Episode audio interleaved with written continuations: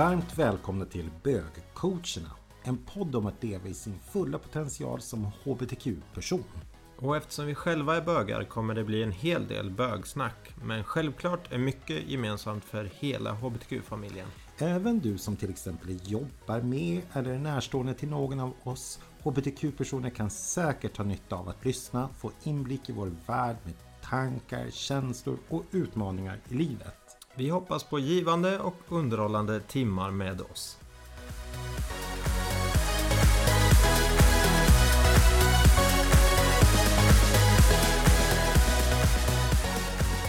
Varmt välkomna till det andra avsnittet av Bögcoacherna. Tjena Andreas, hur är läget? Hallå Johan! Jo men det är alldeles utmärkt. Uh, vi är på semester och man kan inte må annat än gott då. Uh, vi är nu på ett ställe som heter Piran som ligger på Sloveniens korta kuststräcka. Uh, ett ställe som jag aldrig hade hört talas om tidigare men en fantastiskt mysig och fin liten, liten stad. Ja men verkligen. Medeltiden den sjunger med stora klockor och Och det är faktiskt ganska, det är väldigt schysst mat, otroligt mycket fisk och skaldjur och relativt goda priser så att vi är över, över förväntan so ja, far. Ja, verkligen. Eh, man kan jämföra det lite med Palma tycker jag, men, men mycket mindre exploaterat och eh, mycket mysigare och mer genuint ändå. Även om Palma också är härligt, men eh, kolla in det och åk gärna hit skulle jag säga, för det är supernice. Förra veckans eh, tema handlade om att vara, att det, vad som är positivt med att vara HBTQ-person. Och dagens tema, då ska vi djupa ner oss i utanförskap och fejkat innanförskap. Andreas, kan du ta med oss in i tankegången om detta? Ja, men utanförskap vet ju alla i princip vad det är, eh, tänker jag. Men fejkat innanförskap kanske inte alla reflekterat så mycket över. Eh, jag jobbade tidigare tillsammans med Bita Jastani eh, och för ett par år sedan så pratade vi en hel del om just det här med fejkat innanförskap och vad det betyder och eh, vad det innebär för oss att hela tiden leva i ett fejkat innanförskap och eh, ja, därmed alltså anpassa sig till normen och stanna kvar i det istället för att aktivt välja utanförskap och kanske då på ett mer medvetet plan eh, eh, acceptera konsekvenserna som det innebär. Men, men man kanske inte tänker på eh, vilka konsekvenser som det faktiskt innebär att också stanna kvar i ett, eh, ja, som vi kallar det då, fejkat innanförskap. Så det tänkte vi att vi skulle grotta ner oss i lite grann här nu då under, under dagens poddavsnitt. Mm. Häromdagen så besökte vi också Berlin och ett av eh, sevärdheterna som vi gick till var ju minnesmonumentet över alla mördade människor som den skogstokiga Hitler hade ihjäl under ja, andra världskriget. Fast vi började diskutera också det här med att tillhöra ett pack. Och eh, det är ju, tillhör ju, ja, Fortsätt Andreas på det, det spåret. Nej men grejen med fejkat innanförskap. Eh, anledningen till att vi gör det. Anledningen till att vi väljer ett fejkat innanförskap. Är att vi vill tillhöra en grupp. Vi vill tillhöra en pack som du säger här. Eh, eh, vi vill känna den här gemenskapen. Och det här exemplet då. Andra världskriget. Är ett otroligt exempel på vad vi människor är benägna att göra bara vi ha, har den här känslan av tillhörighet. Alltså mm. vi kan göra precis vad som helst. Vi människor är ju flockdjur. Eh, vi är anpassade eh, för, skapt genom evolutionen att att eh, göra saker för att känna tillhörighet. Mm. Det är mm. naturligt för oss att göra det. Och eh, det är en instinkt hos oss för att vi inte ska bli uteslutna ur, ur, ur flocken helt enkelt. Till slut så blir vi ju som vi umgås. Vi man brukar säga det att man blir som man umgås. Och eh, eh man lär sig gruppens normer och gruppens kultur och man anpassar sig efter det. Och eh, till slut så, så ja, kan man göra vad som helst liksom. Och det är en enorm kraft i det här när man känner den här supertajta kulturen och gemenskapen. Att vi, vi kan eh, förflytta berg om vi bara har den känslan och eh, många hbtq-personer kanske inte har den riktigt naturligt. Det är lite där jag vill koppla ihop de här två olika exemplen. Eh, mm. Att vi hbtq-personer då måste söka, aktivt söka den här tillhörighetskänslan. Så Ja, vad är jobbigast då egentligen? Är det att leva i ett fejkat innanförskap eller att aktivt välja utanförskap? Så ja, vad tänker du om det Johan? Alltså det är en jättestor fråga och vi har pratat om det här nu någon dag och jag har fått lite tid att tänka på det. Och jag har satt in mig själv i lite olika tids schematiska scheman i, i livet. Och eh, det första som händer det är att jag går tillbaka till min barndom. Johan är 5-6 år, det är lekis. Jag är eh, älskare att laga mat och jag lagar ofta mat för vi fick göra det nämligen och bjuda in folk så jag hade stora middagsbjudningar för mina fyra tjejkompisar. och det här tyckte fröknarna var ganska förfärligt egentligen. En kar som håller på att laga mat och donar och grejer och ha sig. Nej usch, det kan man inte göra. Nej, nej, nej. nej. Usch, nej. Så då kommer fröken och säger Johan, idag så ska du få göra någonting helt annat. Kom med här. Och jag bara okej. Okay. Så skjuts in, in med mig in i trärummet. Och jag bara okej, okay, vad ska jag göra här för någonting? Och hon bara gör någonting, skapa. Och jag bara okej. Okay. Så jag hittade två träbitar som jag satte samman, slog ihop dem och så strödde jag dem med paljetter och tyckte de blev jätte, jättefina. Och hon kommer in och det först gnistrar till i hennes ögon och hon bara Åh, du har gjort ett svärd! Och jag bara Nej, alltså det kors. Och den besvikelsen som kom i hennes ögon, jag förstår ju då att gud, jag har gjort någonting fel. Det var jätte, jätte konstigt och då viftade jag väl lite grann som att ett litet försök att göra det där till en svärdliknande sak. Där och då så kände jag att ja, men det är sådana saker som faktiskt eh, man har förväntningar på sig. Ja, ofta så tänker jag att hur många gånger, hur många stories liknande min, mina stories finns det säkert inte där vi har det. Där man då helt enkelt känner att ja, men det här förväntas utav mig och jag ställer upp på det. Och där sakta så medvetande görs det, det fejkande innanförskapet. Att man beter sig som förväntat. Ja, men här beskriver du ju verkligen upplevelser som kanske kan tyckas när man berättar om dem som lite sådär Ja, inte vet jag, charmiga eller Eh, på något sätt så här, ja men det är så det är. Men, men de, de där upplevelserna är ju liksom starka för dig verkligen. Du, det har verkligen etsat sig fast i dig. Och de har ju liksom betytt mycket för dig. Ja men absolut att få, alltså att vara så i ung ålder och reflektera och ta ansvar. Men obviously så var det ju inte bra. För, för mig, alltså de hade inte läst in de signalerna mm. att det här är inte någonting som, som Johan vill göra. Och ja, och så försökte jag fixa det i alla fall då, men... Ja, men det är ju exempel på när du verkligen då som du säger tog ansvar och anpassade dig lite grann i alla fall till normen. Men hur skulle du säga generellt då? Har du liksom valt att har du valt mycket fejkat innanförskap eller har du valt aktivt det här utanförskapet? Eller vad, vad, skulle du säga om det? Ja, men jag har nog, om jag, då har jag nog valt utanförskapet. Mm. I mångt och mycket. För att jag kände nog ganska tidigt när jag kommer upp i en liten äldre variant av Johan att eh, ett fejkat innanförskap för mig är inte ett alternativ. Det känns inte aktuellt. Jag står för mina åsikter och jag står för vad jag står för och då måste jag göra det. Och det har ju i stundom varit konsekvens i form av ett utanförskap. Absolut. Mm. Hur har det varit för dig? Ja, nej men jag skulle nog säga att för min del så har det varit mycket mer så att jag har valt eh, att befinna mig i ett ja, så kallat fejkat innanförskap eh, väldigt mycket och anpassat mig till ja, vad man ska leka med, vad man ska göra, vad man ska ja, vilka sporter man ska hålla på med, om man ska hålla på med sport överhuvudtaget. Ja, ehm, jag har ju hållit på med volleyboll till exempel och, och blev ja, helt okej okay, duktig på det liksom. Men hade jag fått hålla på med, med musik eller dans eller någonting och, och haft eh, ja, skola och föräldrar och människor runt omkring som hade pushat och, och stöttat i det eh, mycket mer eh, så hade jag säkert eh, blommat ut mer tänker jag. Mm.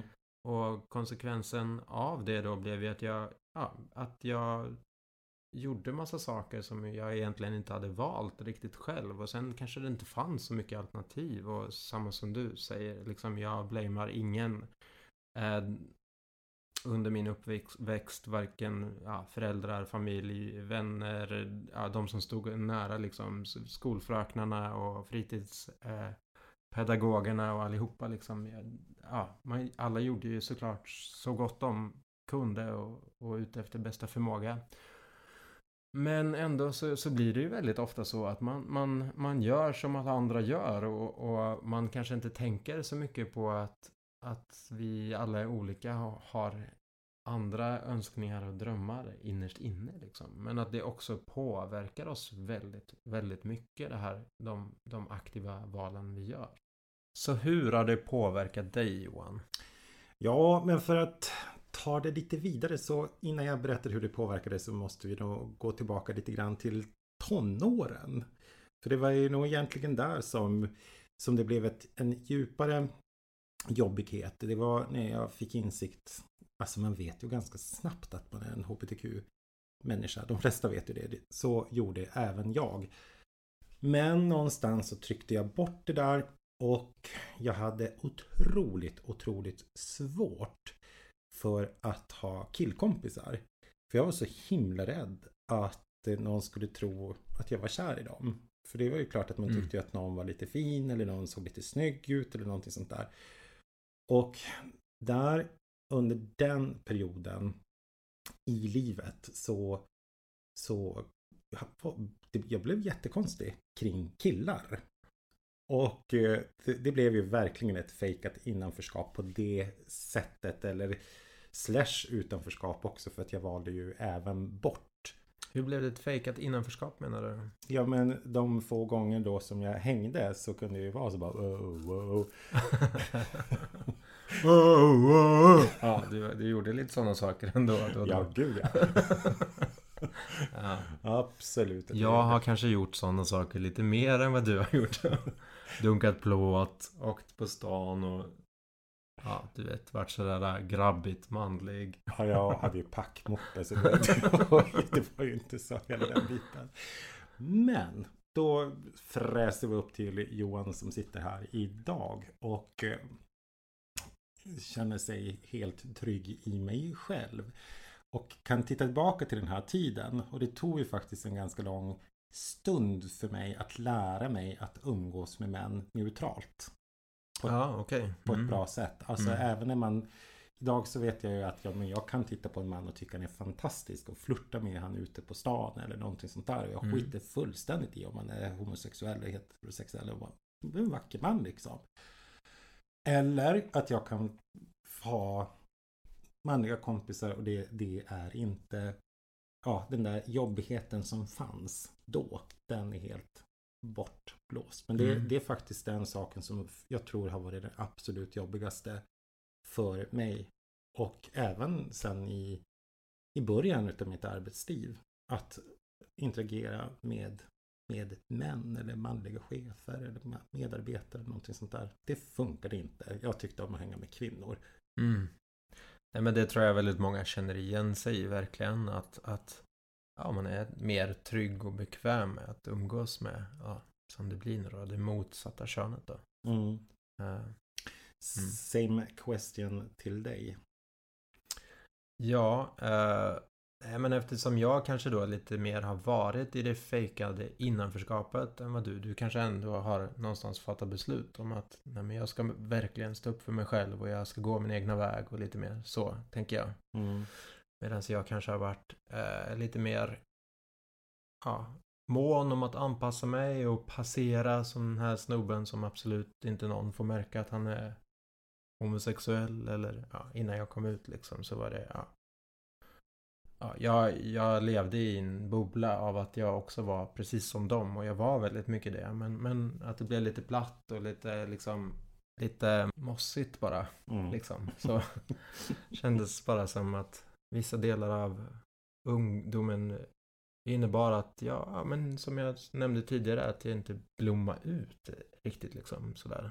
Mm. Och att jag först har fått göra det senare. Men sen hur det har påverkat mig nu, det är ju fortfarande så att jag har under väldigt lång tid eh, varit den här Usch, nu låter det jättehemskt men eh, det här lite mellanmjölk och lite mossigt och inte det här fantastiska och, och sprudlande som, som jag kanske hade varit om jag hade blommat ut mer tidigt i min ungdom om man säger så. Eh, men jag har ju lärt mig massa bra grejer och verkligen är duktig på att anpassa mig och, och, och, kanske tugga i mig mycket. Jag klarar av mycket. Jag klarar av att hantera väldigt mycket och tuffa situationer liksom. Mm. Ja, men jag köttar på liksom. Jag tuggar på och jag klarar av att jobba med machokulturer. Jag klarar av att befinna mig i de miljöerna. Eh, jag kan absolut hantera det och anpassa mig till det fortfarande. Det är inga konstigheter för jag går in i den rollen. Sen idag är jag mycket mer eh, nyanserad och bekväm med mig själv och, och, sätter gränser och säger stopp och belägg och det här är inte okej okay för mig och, och så. Eh, så där har jag verkligen ja, hittat mycket mer en bra balans liksom. Men jag har ju verkligen klarat av och lärt mig blivit verkligen fostrad i det här macho-normkulturen liksom, mm. som gör att jag har i princip inget problem med att hantera det idag. Även om jag inte tycker att det är den mest fantastiska miljön att befinna mig i. Jag har jobbat i, i ja, Försvarsmakten eh, såklart väldigt macho eh, normkulturellt sådär. Eh, och och det, det har inte känts konstigt liksom. Eh, och jag kan tänka mig att många hade varit lite rädda för den miljön till exempel. Mm. ja, så att eh, på så vis så känner jag ju verkligen att ja, det har påverkat mig positivt i den riktningen att jag klarar av att hantera mycket. Men också att jag aktivt får jobba med att att eh, kanske vara mer den här sprudlande personen som jag egentligen känner att jag skulle vilja vara. Mm. Om man säger så. Du får komma ut. Som en blomma. Som en blomma, ja. precis. Ja. ja men det känner jag igen också för jag rör mig i miljöer nu också där det kan vara ganska stiff, mycket manligt. Eh, så och eh, jag vet en del ledningsgrupper som jag brukar vara med på ett eller annat sätt så kan jag ju snarare se till att man kan Nej, jag, jag känner mig helt bekväm idag faktiskt. Ja.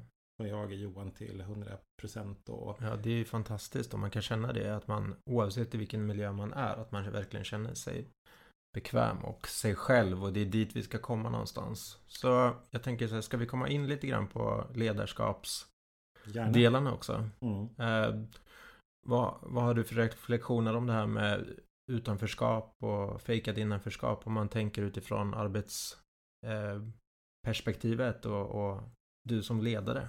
Vad tänker du då? Ja, men jag tänker så här. Eh, för mig är det jätteviktigt att mina medarbetare ska känna sig trygga. De ska känna sig att de kan vara sig själv. De ska känna sig sprudlande. Ja. Att, att man kan växa som människa på det sättet och därför har vi varit väldigt, väldigt tydliga. Nu tänker man, för er som hörde första programmet så berättade jag att, att vi har en fabrik som tillverkar ekologiska skönhetsprodukter och då är det väldigt lätt att tänka på, ja men då var det ju ute i det rosa hörnet igen. Och mm. där är det lugnt. Och ja, å ena sidan så är det den färdiga produkten. Men innan det blir en färdig produkt så är det ju faktiskt styven om sist en helt vanlig fabrik. Mm. Och jag och min syster som är medgrundare, vi, vi satte oss ner och så frågade vi varandra hur vi vill ha det här. Och min absolut största skräck är att det ska bli en kultur, en jargong som blir sexistisk, homofobisk, rasistisk där, där det blir en, en, en obehaglig ton som råder. Det vi har gjort, om vi utgår ifrån det, det är att vi har gjort en alldeles egen HBTQ-certifiering. Så vi HBTQ-certifierar vår personal. Det gör vi en gång om året för det har alltid kommit in någon ny eller det kommit ja. ut någon. Ja, så. Fantastiskt. Applåd till er skulle jag säga. Ja. Tack så jättemycket. Och där så pratar vi mycket och tar med medarbetarna in i samtalet om hur, vilken kultur vi ska ha på vår arbetsplats. Mm. Och där ingår det just det här, okej, okay, vad, vilka skämt är okej? Vilka skämt är inte okej? Vilken attityd kommer man till jobbet? Hur är man en god medarbetare?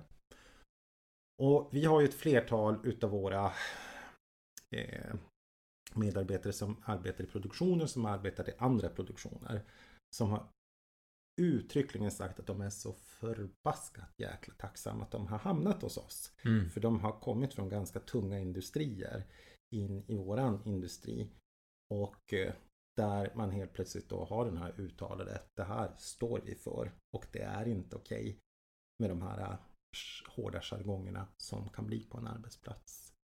Och jag tänker det, det är väldigt lätt att sitta och slå sig för bröstet och, och, berätta vad man har gjort själv. För det kan ju bli många gånger om man är på en arbetsplats som har en tuff jargong och man kanske inte känner sig trygg utan man måste leva, gå in i garderoben eller leva ett fejkat innanförskap mm. på sin arbetsplats för att man tar miljön. Och jag tycker faktiskt inte att man ska göra det. Utan det är ett ansvar om man som ledare har på det här att faktiskt upprätta en struktur, att organisera upp det hela och etablera kulturen om man säger så.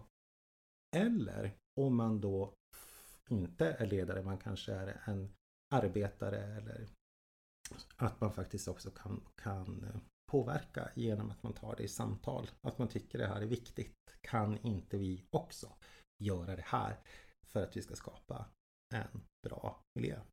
Ja men absolut och jag skulle väl, väldigt gärna vilja fylla ut där också. För du pratar ju nu om det här med hur viktigt det är att tydliggöra vad som inte är okej och vilken kultur vi vill ha på arbetsplatsen och mm. hur vi är inkluderade mot varandra och sådär. Och det är ju steg ett skulle jag säga. Men jag vill jättegärna liksom förtydliga det här perspektivet om Ja, man ska knyta ihop det med det här med att blomma ut då som vi pratade om tidigare. Eh, mm. Hur viktigt det är att jobba med de här frågorna för att alla människor ska blomma ut och verkligen kunna komma igång och, och känna sig engagerade och motiverade och liksom gå igång på alla cylindrar. Eh, så att man kommer igång och bara liksom köttar på och går för egna motorer. Mm. Eh, så att alla liksom känner den här totala tillhörigheten och inkluderingen och, och hela den grejen. Eh, och jag lovar er, liksom om ni jobbar med frågorna på det sättet så, så, så kommer ni tjäna massa pengar också på att, att jobba med inkludering. Mm. Eh, och det är dit jag vill komma. Vi ska, man behöver inte göra det här för, eller Jo, man behöver absolut göra det för att komma upp till en hygiennivå där alla trivs och inte blir diskriminerade och inte blir ah, exkluderade. Eh, men gör det för att det är bra för er. Liksom. För att ni kommer tjäna pengar på att behålla personal som känner att jag vill aldrig någonsin byta arbetsplats för det är den bästa, bästa arbetsplatsen jag har varit på. För jag känner mig eh, så inkluderad och okej, okay, jag får verkligen vara mig själv. Jag får verkligen eh, komma till min fulla rätt och blomma ut här. Och, och, om fler företagsledare tänkte så, så skulle jag bara bli så, så lycklig. Enligt en eh, forskningsrapport som jag har tagit del utav, det är lite skrämmande faktiskt, så säger de att eh, 20 på en arbetsplats är superengagerade som är precis den här utblommande som man tycker är, är, är härligt. 70% är likgiltiga och 10% vill illa. Är små illbattingar.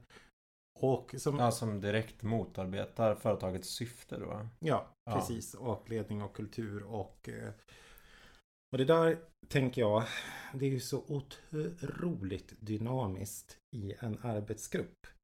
För det kan ju vara så att man kan ha det hur bra som helst man jobbar på. Det kan räcka med att det är en ny person som kommer in så måste man som ledare hela tiden jobba stenhårt på okej, okay, vad har vi för kultur och hur får vi med den här människan på det tåget? Så att man inte står där opassande och så helt plötsligt bara raserar hela korthuset. För mm. så är det ju också att en en homogen grupp som man har byggt upp någonting, den, blir, den hamnar lite grann mer eller mindre på noll i, i och med eh, en, en ny medarbetare som kommer in. För då ska man lära känna varandra och, och komma igång. Och det där tänker jag att man kan ju arbeta ihjäl sig med att, att ha bra miljöer på arbetsplatsen. Men det, det, vet vi ju alla. Jag tänker jag kan bara gå till oss själva som har haft en otroligt utmanande eh, vår. Vi växer jättemycket och det händer otroligt mycket och det är så viktigt att man får med sig alla i, i vad som händer. Så att man också då faktiskt inte bara sitter där. Vi har haft en HBTQ-certifiering och pratat om eh, att man inte får säga fula saker till varandra. Utan det är ju en dynamisk process som måste vara, ske hela tiden. Ja men tänk att bara kunna förflytta eh, Alltså om vi nu sa att 20 personer är, är supermotiverade att bara kunna öka den andelen till 30, 40, 50, 60 procent liksom till mm. exempel. Och få bort några av de här som är typ likgiltiga. Det är ju en enorm eh, resurs eh, i det såklart. Ja, men verkligen. Och jag tänker det, det är nog ganska hemskt men om man tänker på sig själv hur man har varit genom alla år mm. så kan man nog nästan sätta in sig i alla olika fack. Man ja, har varit ja, den likgiltiga, man har varit den engagerade och man har varit illbattingen. Mm. För att man tycker att, ja, eller jag kan säga det i alla fall. Ja, absolut. Jag kan hålla med om det också. Att det är absolut arbetsplatser där jag har varit där jag inte har känt engagemang eh, på tillräcklig nivå och där har känts totalt asfel liksom. Där, mm. där man inte kan förlika sig med, med, med arbetsplatsen eller kanske med chefens värderingar eller vad det nu kan vara. Att man bara känner att man gör fel saker helt enkelt.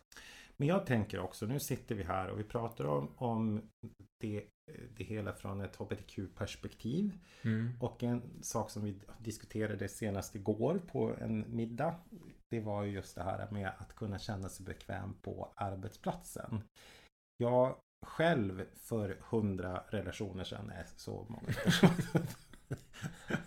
bara 60. ja, det var bara 60 relationer sedan. Eh, jag tycker det då att jag hade varit super, super tydlig. Vilket jag oftast är såklart inte.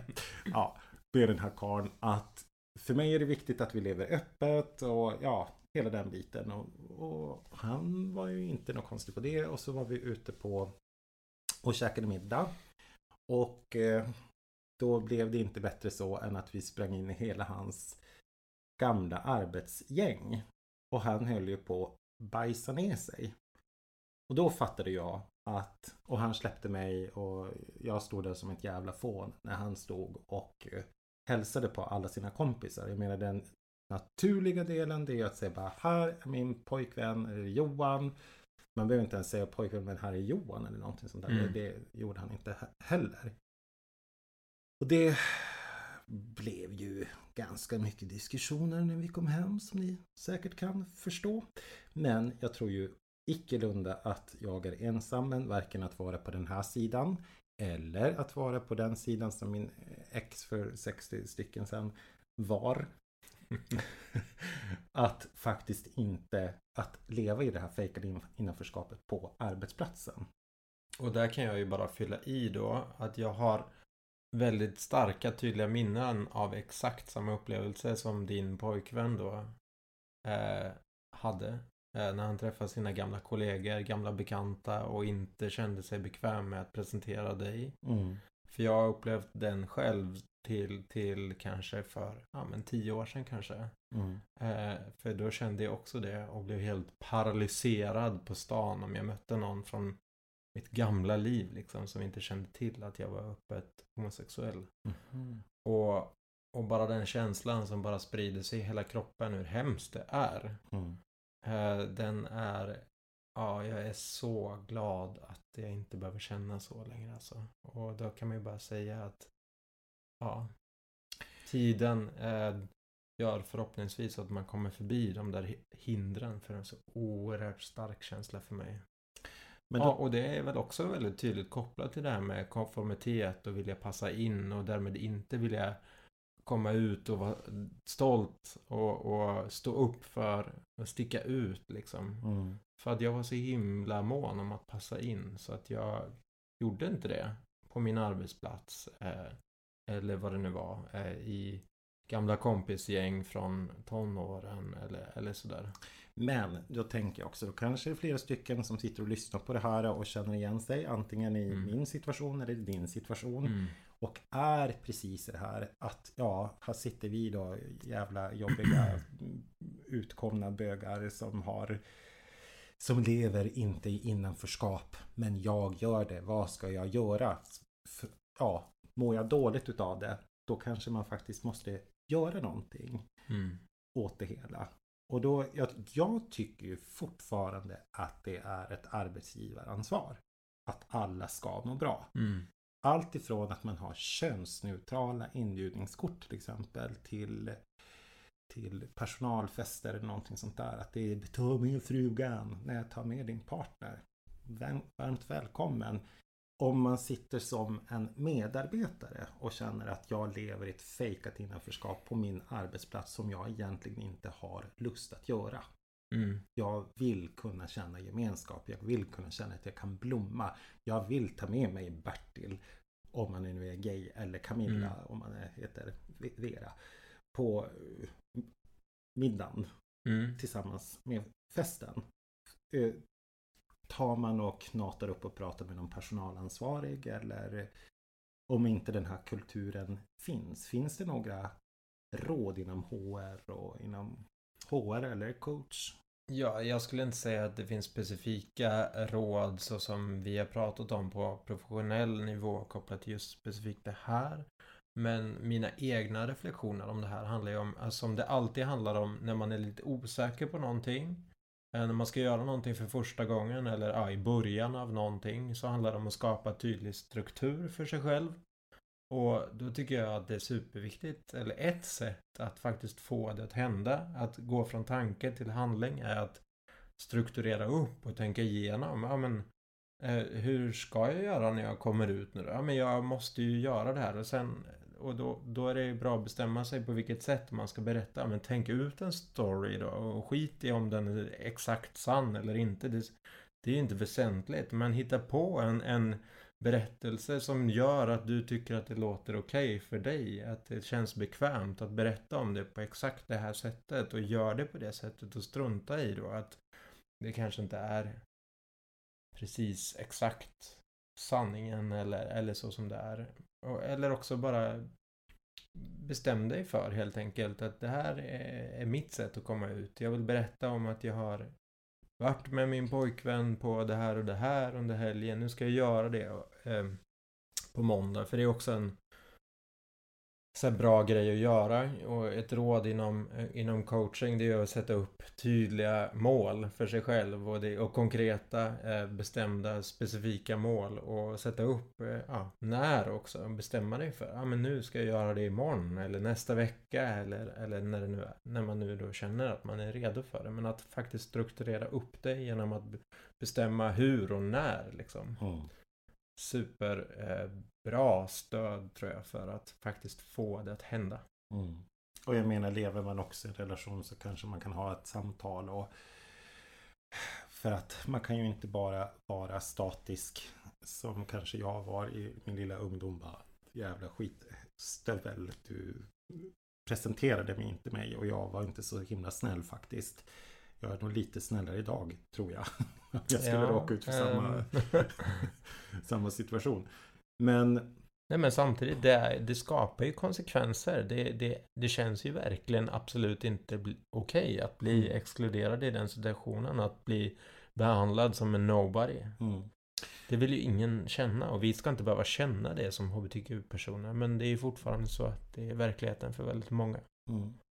Men jag tänker, eh, vi vill ju med hela syftet med bögcoacherna och, och det, det är ju att vi ska kunna leva i vår fulla potential till 100%. Att det är vi som är, ja, vi alla hbtq-personer oavsett vilken färg och form och version på oss. Vi är fucking fabulous och det ska vi våga stå upp för att, att vara.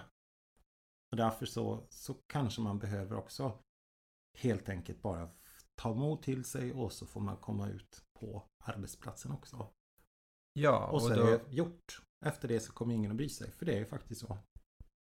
ja, det är ju faktiskt eh, förhållandevis få personer som faktiskt bryr sig på den nivån som man själv kanske tänker att andra människor bryr sig. De flesta idag, tack och lov, i Sverige är ju lite mer att de bara rycker på axlarna och ja, ja, okej. Okay. Mm. Who cares? Vem mm. du ligger med eller vem du gillar liksom. Det är ingen som bryr sig om det riktigt på den nivån man själv tror att de ska bli så förvånade och, och, och chockade liksom. Men det är ingen som blir det liksom så. Nej men precis. Och det är Många kan ju också känna att jag blir provocerad att jag måste någon sätt sätta en label på mig. För heterosexuelle Gunnar han behöver minsann inte berätta på sin arbetsplats att han är heterosexuell. Eller på sin skola eller vad det nu än må vara. Men å andra sidan, ja, man kan väl bara, ja, jag har en partner, han heter Arne. Punkt. Och så är det klart. Ja, och att bara addera en annan fråga direkt efter att, att bestämma sig i förväg att jag ska säga det här, jag har en partner eh, och han heter Arne. Och hur är det för dig? Kan man ju fråga då. Har mm. du någon partner? Eller för att flytta fokus över till någon annan istället för att förvänta sig en tystnad där och att de ska ställa följdfrågor eller säga bara ah, men vad bra, vad kul att du kommer ut. Det är inte dit för dina medmänniskor runt omkring kommer inte tänka så. De kommer som sagt rycka på axlarna lite mer utan vänd fokus ifrån dig själv då, då om du inte vill ha mer frågor om det där just där och då. Utan bara säga, ah, ja men, ah, hur är det för dig då? Mm.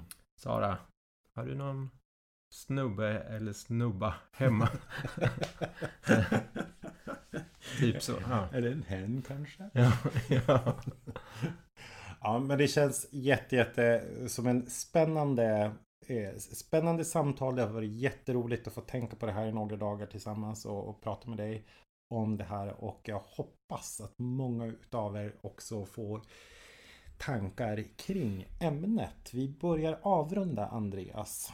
Ja, och, och ett syfte med just det här ämnet är ju mer att lyfta, att just reflektera över de här båda utanförskapet versus fejkade innanförskapet och att de båda påverkar oss och att vi gör ett aktivt val. För det är också en, ja, det är dit vi vill komma, att få er att bli lite mer motiverade att göra aktiva val i bra riktningar som tar er framåt och uppåt liksom. Mm. Framåt, uppåt, blomma. Framåt, uppåt, mot de fantastiska blommorna. Ja. Perfect. Eller så att ni blir de fantastiska blommorna. Ja. Nu är det ju så här att vi vill ju hemskt gärna att ni interagerar med oss. Dels kom med feedback och det kan man göra på Instagram. På Bögcoacherna finns vi på Instagram. Bogcoacherna går att söka på, på, på både och.